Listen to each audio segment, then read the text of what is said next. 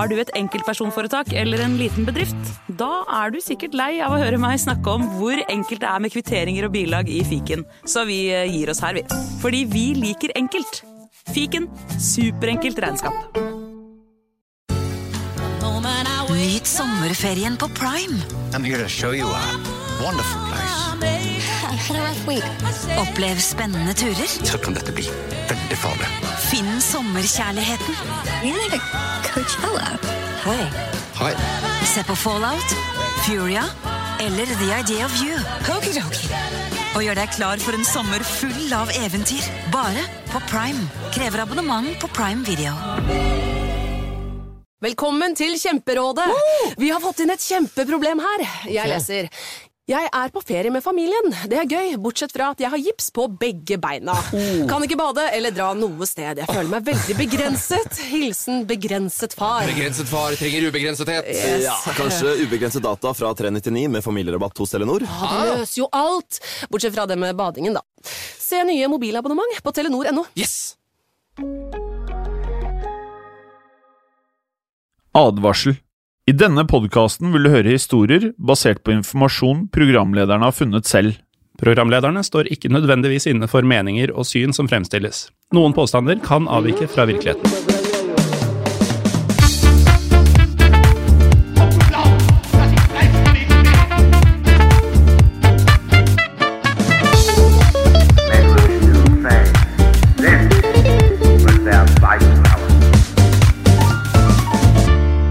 Og velkommen til historiepodden andre verdenskrig.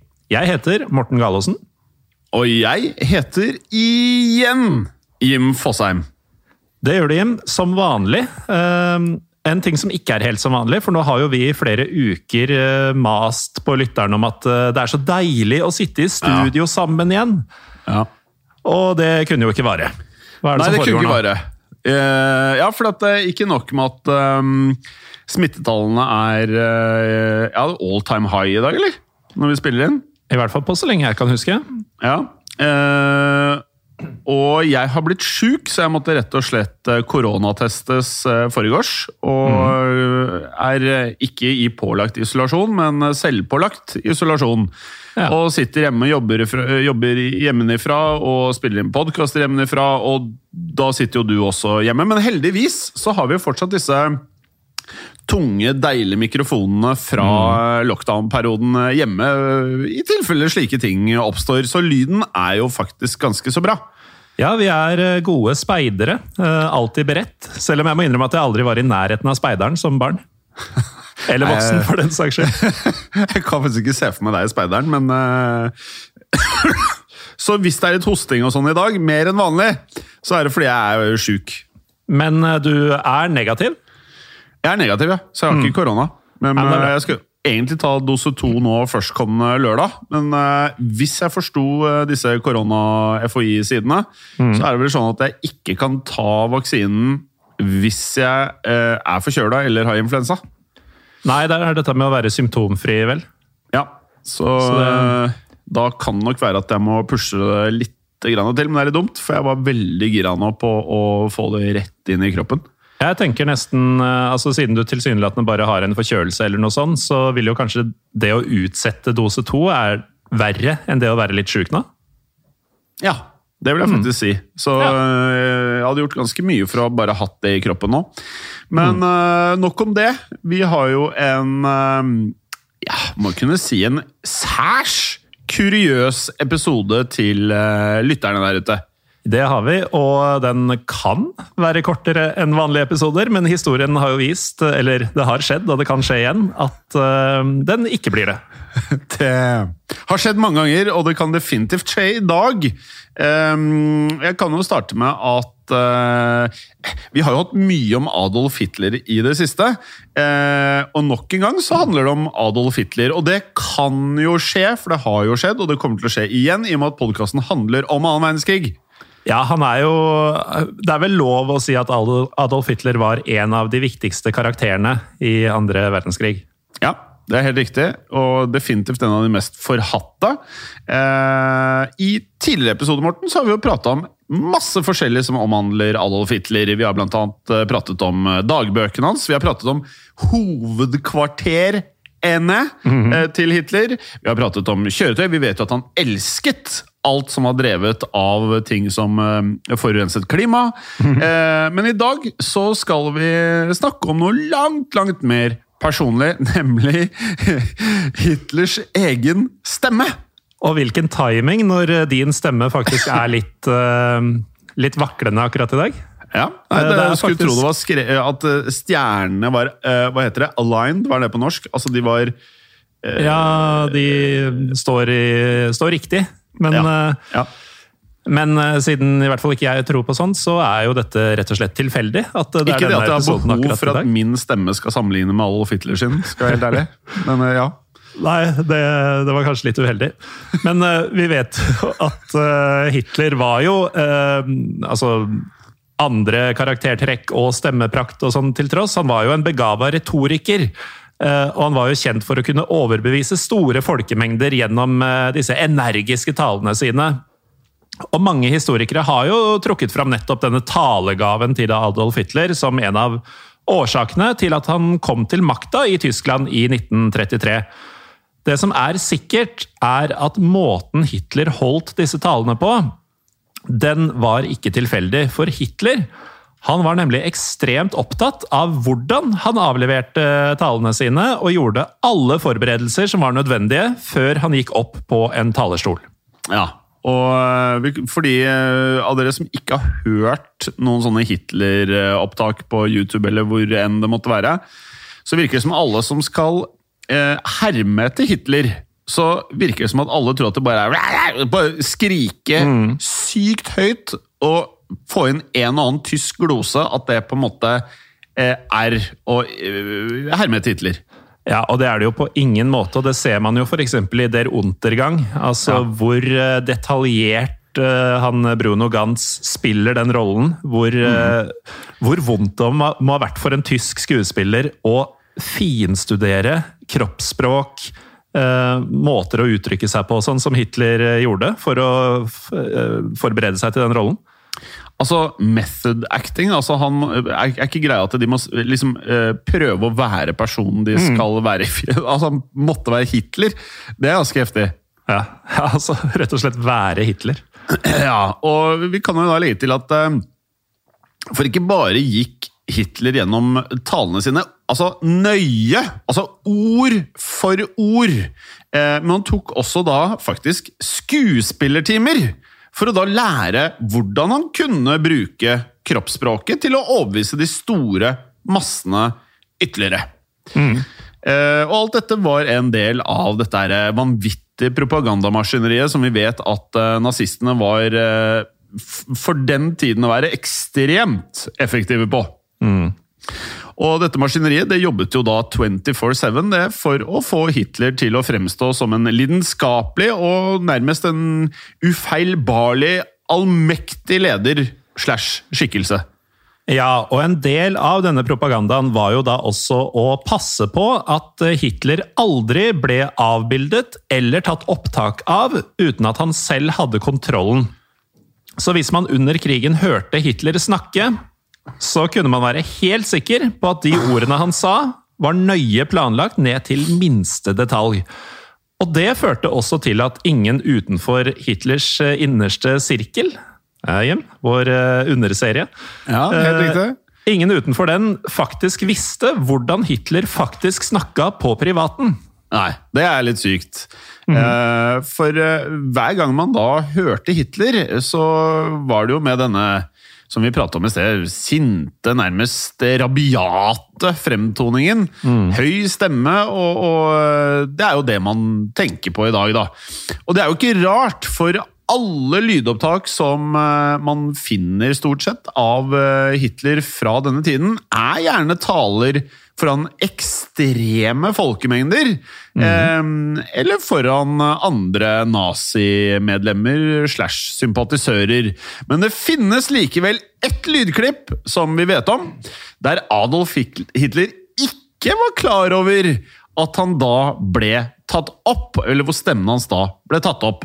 Og derfor så eh, fremstår han jo her med en helt annen stemme enn denne Denne vanvittige fol høye folke, folkemassestemmen som han brukte. Eh, så, så her er det helt annerledes. Det er det, og det er nettopp dette opptaket vi skal snakke om i dagens eh, kuriositet. Og det er veldig kuriøst, for dette er meget smalt i utgangspunktet. Det er meget smalt, og det er noe som egentlig ikke skal eksistere, men som gjør det likevel. Ja. Og um, dette lydopptaket som det er snakk om, da, altså et av svært få lydopptak eh, som Hitler ikke hadde kontroll over selv. Eh, dette refereres ofte til som Mannerheim-Hitler-opptaket, fordi det ble tatt opp uh, under en privat samtale mellom Hitler og den høytstående finske offiseren ved navn nettopp Carl Gustav Mannerheim. Og dette fant sted i 1942. Og Akkurat hvordan det i det hele tatt var mulig å få til et privat opptak av Hitler, det skal vi komme tilbake til, men først så skal vi snakke litt om hvorfor denne samtalen mellom Hitler og Carl Gustav Mannerheim i det hele tatt fant sted. Ja, for Carl Gustav Manaheim hadde ansvaret for eh, det finske militæret under store deler av annen verdenskrig, og ledet bl.a. de finske troppene under vinterkrigen, som vi har pratet om i den andre historiepodkasten vår, som bare heter Historiepodden.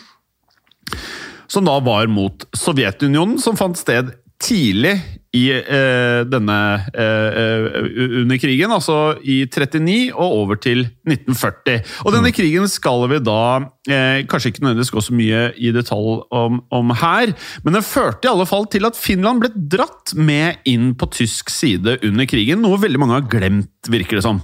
Ja, vi har jo gjort vårt egentlig opptil flere episoder for å nevne litt om ja. hvordan Finland havna der tidligere. Både i historiepodden og historiepodden andre verdenskrig. Men mange har glemt det. På den tiden så var det ikke alle som var like fornøyd med det. Og blant annet Carl Gustav Mannerheim var, var, ikke fornøyd i det hele tatt med at hans Finland havna på tysk side. Men han skjønte likevel at Finland var avhengige av de tyske troppene som var utplassert i Finland, for å kunne holde Sovjetunionen på avstand. Så Mannerheim han, det var nesten en sånn deal with the devil, dette her, hvor han prøvde da å ha Eh, ikke noe mer kontakt med Tyskland og da Adolf Hitler enn det som var strengt nødvendig. Og det kan man jo forstå. Det kan man forstå.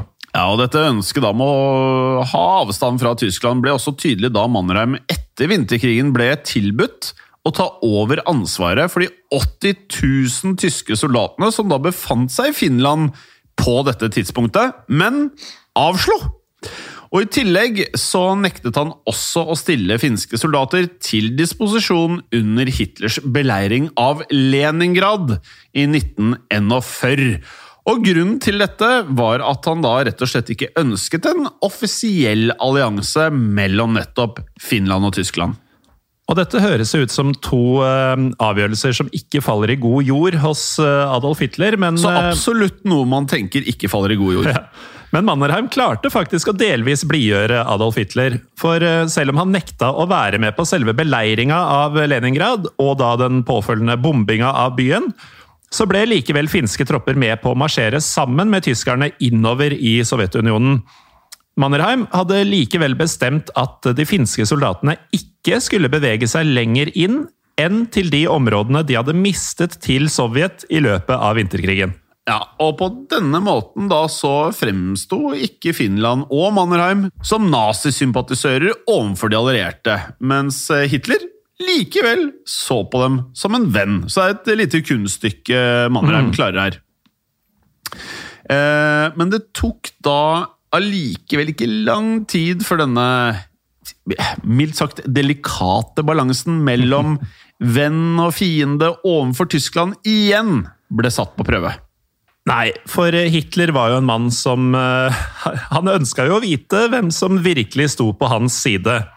Og det er ingen tvil om at uh, Adolf Hitler i 1942 anså uh, Carl Gustav Mannerheim som en, altså mer som en alliert enn som en fiende.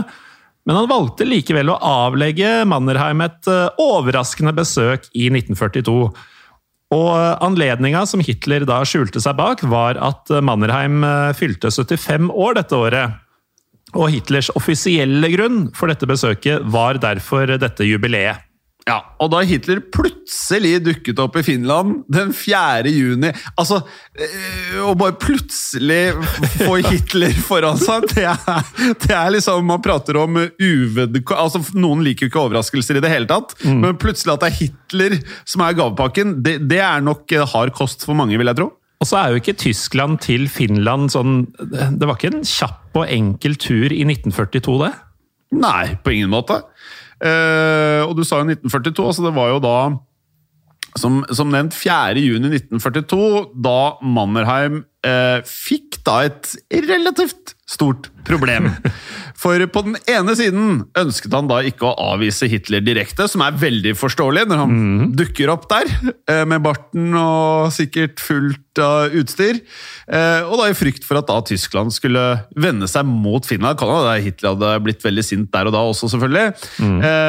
men han ønsket da likevel ikke at Hitlers besøk skulle fremstå som et offisielt statsbesøk. Så nå er vi inne på tung politikk her, som eh, ja, de fleste store nasjoner som er litt venner, og som egentlig ikke er venner, må deale med på det jevne. Det er jo en delikat balansegang som nå har blitt en sånn syltynn eh, linje. Sånn trapesartister, er det det det heter? De som Ja. eh, går på sånn, Det er akkurat det det heter. sånn tynn vaier i, Ja.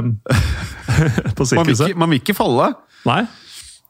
Og for å ikke falle da, så må man tre meget varsomt på en sånn uh, line, Morten. eh, så Mannerheim han måtte derfor tenke særdeles uh, kjapt. eh, og på en eller annen måte da klare å grave frem et kompromiss både for han, og et kompromiss som da Hitler kunne leve med. Ja, for det Hitler ønska var selvsagt å bli invitert til Mannerheims hovedkvarter i Helsinki, men det ble ganske raskt klart at det ikke kom på tale. I stedet foreslo Mannerheim at eh, møtet mellom disse to skulle skje på Mannerheims eh, private tog et stykke utafor hovedstaden, og understrekte også at eh, dette møtet måtte holdes strengt hemmelig. Til Mannerheims store lettelse så gikk Hitler faktisk med på disse betingelsene. Og hvordan dette møtet gikk, det skal vi snakke litt mer om etter en kort pause. Velkommen tilbake til historiepodden andre verdenskrig og denne kuriositeten om Mannerheim-Hitler-opptaket fra 1942. Før pausen så snakka vi litt om Finlands forhold til Tyskland under andre verdenskrig, og det var ganske komplisert, eh, Jim. Ja.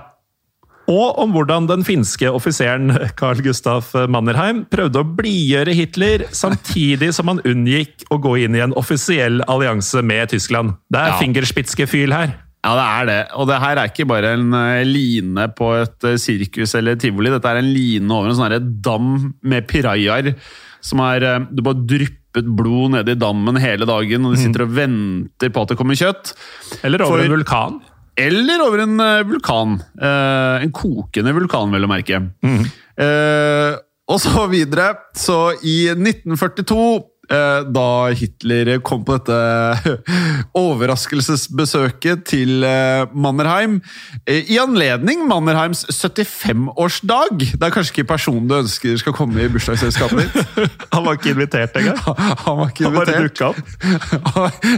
Adolf Hitler dukket opp.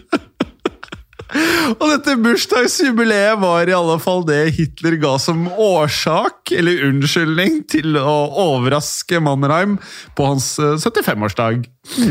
Og Mannerheim på sin side fryktet at Hitler hadde kommet for å overtale Finland til å ta en større del i krigen, som en av Tysklands allierte.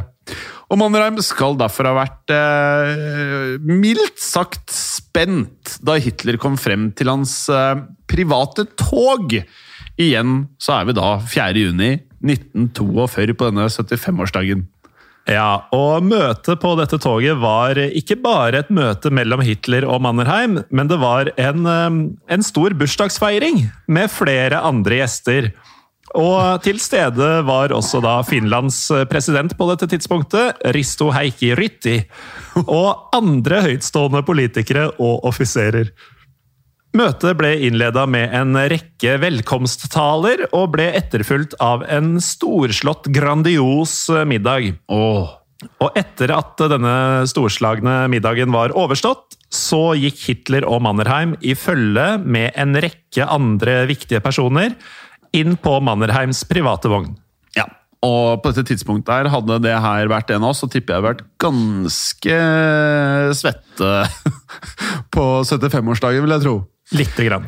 Og, og inni denne vognen da, var det planlagt at Hitler skulle holde en eh, privat bursdagstale til Mannerheim. Og nå begynner kanskje dere lyttere, altså dere som er årvåkne her, skjønner jo nå hvor dette er bærer hen.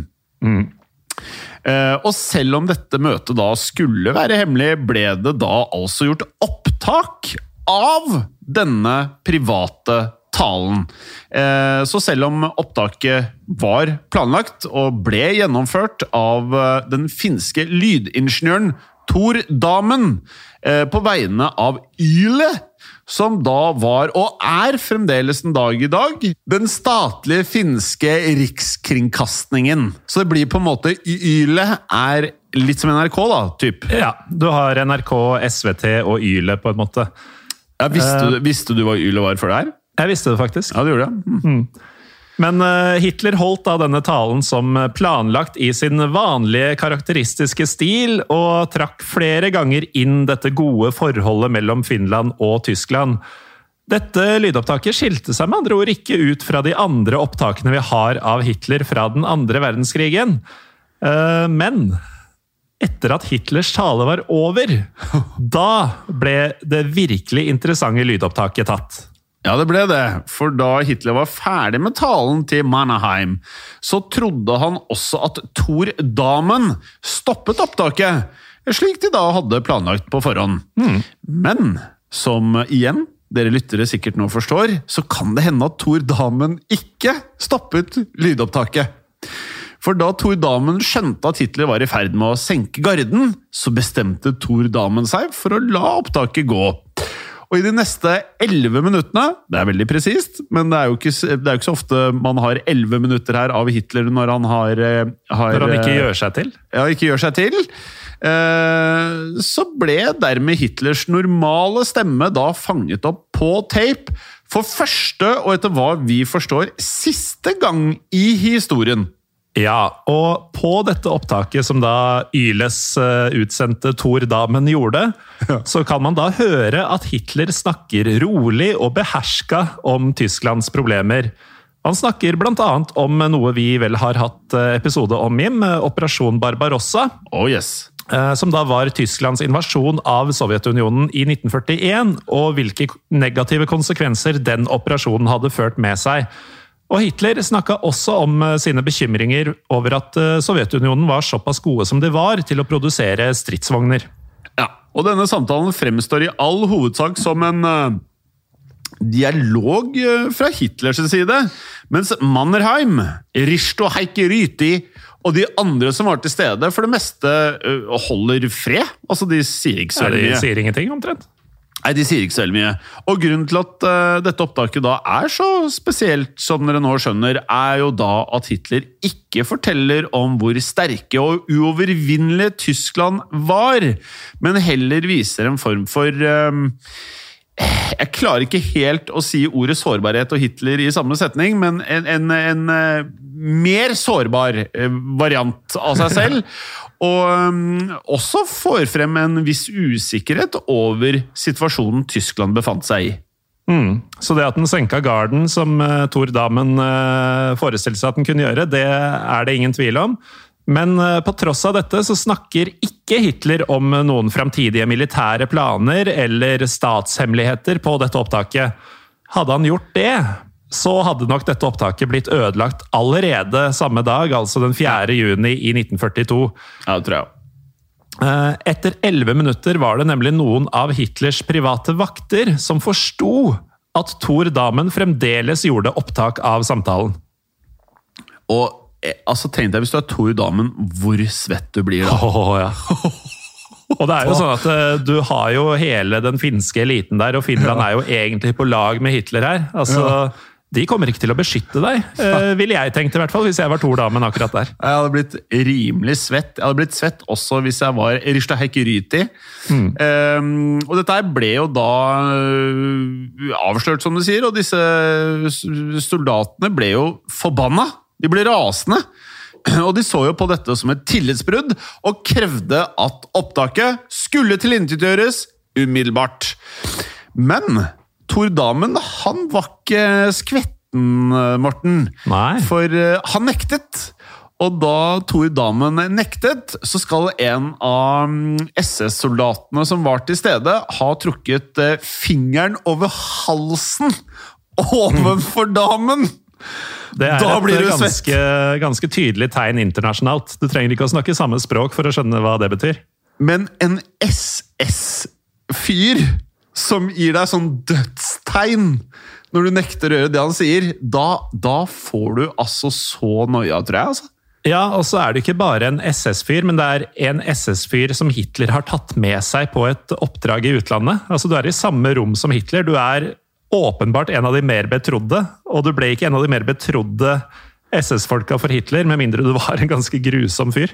Ja, du var nok eh, ganske grusom, så der sto denne Schutzstaffel-soldaten og trakk eh, fingeren over strupen, som at han skulle maltraktere Thor Damen. Eh, om han da ikke eh, ga dette lydopptaket til ham. Men likevel, da, på en eller annen måte, så klarte da faktisk damen og Yle å overbevise Hitler og vaktene hans om å la dem beholde dette opptaket. De ga sitt ord på at opptaket det skulle forsegles i en boks og legges i Yles arkiver. Og de måtte også love at de aldri skulle spille av dette opptaket for noen. Og det var et løfte de også holdt. Eh, Riktignok ikke i all evighet. Eh, Det holdt de i 15 år til, fram til 1957. Ja, Og det er jo ikke så lenge. Nei, Det er det ikke er, det er jo ikke all framtid. Nei, det er absolutt ikke all fremtid, og det er jo vesentlig kortere enn eh, for regjeringen i USA å slippe ufo, eh, ufo-biblioteket Ja, sitt. Men, men, men eh, jeg holdt på å si eh, Jeg forstår ikke at dette her skjedde. jeg. Jeg klarer Nei. ikke å fatte at disse gale nazistene ikke bare klikka helt De kunne jo bare tatt det! Ja, ja, klart det.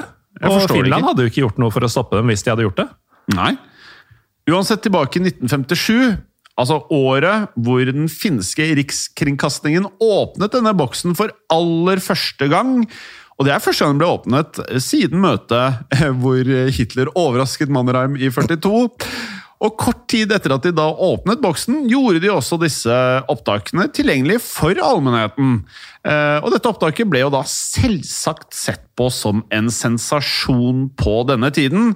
Og det er jo ikke rart at folk i dag ikke har hørt om eh, Mannerheim-opptakene, fordi det er såpass lenge siden, så selv om det var big news den gang, så er det ingen jeg kjenner som har hørt om dette her. Nei. Men uh, hvorfor var det så sensasjonelt?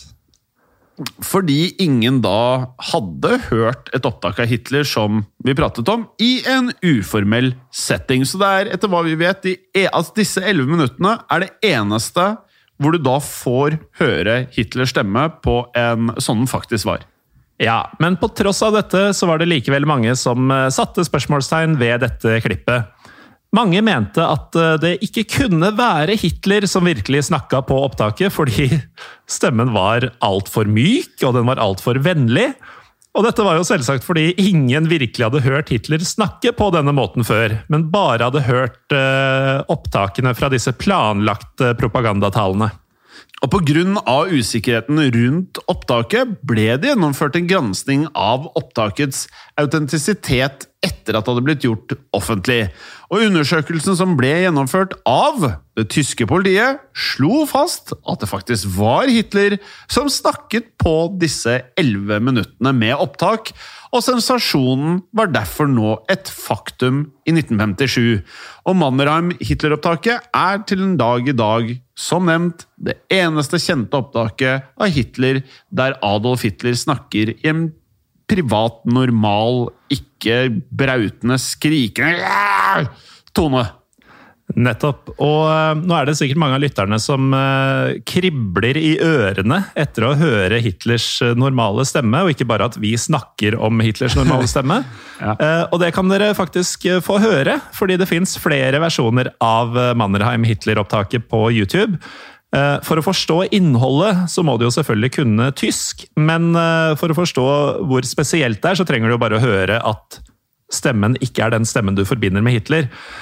Um, en liten fun fact her, helt til slutt, er jo at eh, vi nevnte jo tidligere eh, Jeg sa jo han var tysk, han er jo sveitsisk selvfølgelig. Skuespilleren Bruno Gantz eh, og Der Untergang. Um, Bruno Gantz han brukte jo dette opptaket flittig han, da han forberedte seg til rollen som Adolf Hitler i denne filmen.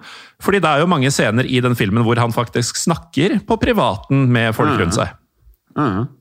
Veldig bra film. Altfor lenge siden jeg har sett, faktisk. Nå ble jeg litt sånn eh, Tror jeg må, må, eh, Må. Etter at streaming og sånn etter, jeg, jeg hadde jo alt det gromme på DVD, men det er liksom nede i kjelleren. Så nå er det sånn Det er masse filmer jeg er keen på å se, fordi jeg, og, og DVD-ene er jo i kjelleren fordi det er så mye mer praktisk med streaming, men jeg får ikke sett en dritt av det jeg egentlig skal se, fordi jeg ikke vet hvor noe ligger. Nei, det er sant. Ok, nok om det. Ehm, For nå er vi faktisk ved veis ende her i eh, nok en episode og nok en kuriositet i historien på den andre verdenskrig. Eh, WW2, noen eh, forslag har vært 2VK, AVK Eh, Det var noen som sa historie på den krigen, eh, ganske nylig faktisk. Fordi når man sier krigen og bruker stor K, så veit alle hvilken krig det er snakk om. Ja. Men det er VV2 for nå. Ja, det er VV2 for nå. Eh, følg oss på Instagram, der heter vi Storebånd Norge. På Facebook heter vi Storebånd Norge. Og så har vi en Facebook-gruppe som heter Historie for alle. Og der vil vi veldig gjerne at folk deler enda mer innhold. Det kan være egentlig Nå, nå er vi på Jeg har jo tenkt litt på det der. Alt du deler, er mest sannsynlig interessant der, fordi alt er historie. Ja. Men kanskje prøv å være litt bedre på å skrive ikke bare ta et bilde og del bildet inn i gruppen, for bildet i seg selv eh, sier ikke alltid nok. Så skriv Nei. gjerne noe tekst, sånn at eh, andre kan engasjere seg. Ja, Samme med YouTube-videoer og sånne ting. Skriv gjerne noen linjer om hvorfor du Ja. poster dette, hvorfor du syns dette er interessant. Og hvis det kan linkes til noe vi har gjort tidligere, så ta gjerne med det også. Eh, det er bra. Sjekk oss eh, gjerne eh, ut i den andre podkasten nå, hvor vi bare er i Historiepodden. Den ligger Ja. også på iTunes og Spotify en gang i måneden. Morten, dette vi har pratet om i dag, det har skjedd. Ja, selv om vi lurte litt underveis på om vi bare fant på dette her. Men det har altså skjedd, og det betyr også at det kan skje igjen. Ha det bra. Ha det. I produksjonen av Historiepodden så ønsker vi å takke Håkon Bråten for lyd og musikk. Takk til Felix Hernes for produksjon. Takk til Ellen Froktenestad for tekst og manus. Og takk til deg, Morten Galesen, for programlederrolle. Og takk til deg, Jim Fosheim, for programlederrolle. Moderne media. Kan kundene dine betale slik de ønsker? Med betalingsløsninger fra Svea øker du sannsynligheten for at kundene fullfører et kjøp, fordi de finner sitt foretrukne betalingsvalg. Svea vår jobb, din betalingsløsning. Enklere, raskere. Klokka er sju om morgenen. Tirsdag den 9. april 1940. Det er en telefon som ringer. Det er hjemme hos banksjef Andreas Lund på Lillehammer. Andreas Lund tar telefonen, og den som ringer, er sjefen hans. Det er sentralbanksjef i Norge, Nikolai Rygg. Rygg forteller Andreas Lund at Norge er i ferd med å bli invadert av tyskerne. Nå gjelder det å få reddet Norges gullreserve. Så lett skulle det ikke bli. Gulltransporten. Den utrolige historien om hvordan Norge så vidt klarte å redde Norges gull unna tyskernes klør. Gulltransporten er en miniserie som tidligere har blitt publisert i Untold. Men ut mai vil du få tilgang til denne, samt en rekke andre miniserier og ukentlige episoder av Moderne Medias podkaster. Hvis du liker det du hører, bør du laste ned Untold, eller gå til untold.app for å starte ditt abonnement i dag. Hei, Fredrik og Bjørn Henning her. Vår nye podkast Fordomspodden den er ute nå. Podkasten der norske kjendiser møter seg selv i døra. Har Kristin Gjelsvik alltid drømt om å lære seg å jodle? Ler Stig Henrik Hoff av eventyret Askeladden som kappåt med trollet? Bytter Katrin Sagen dobørste minst to ganger i året? Og har Didrik Solli Tangen sunget My Heart Is Yours som nattasang for barna sine? Hver uke blir nemlig én ny gjest konfrontert med både store og små fordommer i vårt forsøk på å komme til bunns i hvem de egentlig er. Du kan høre Fordomspodden hvor enn du lytter til podkast.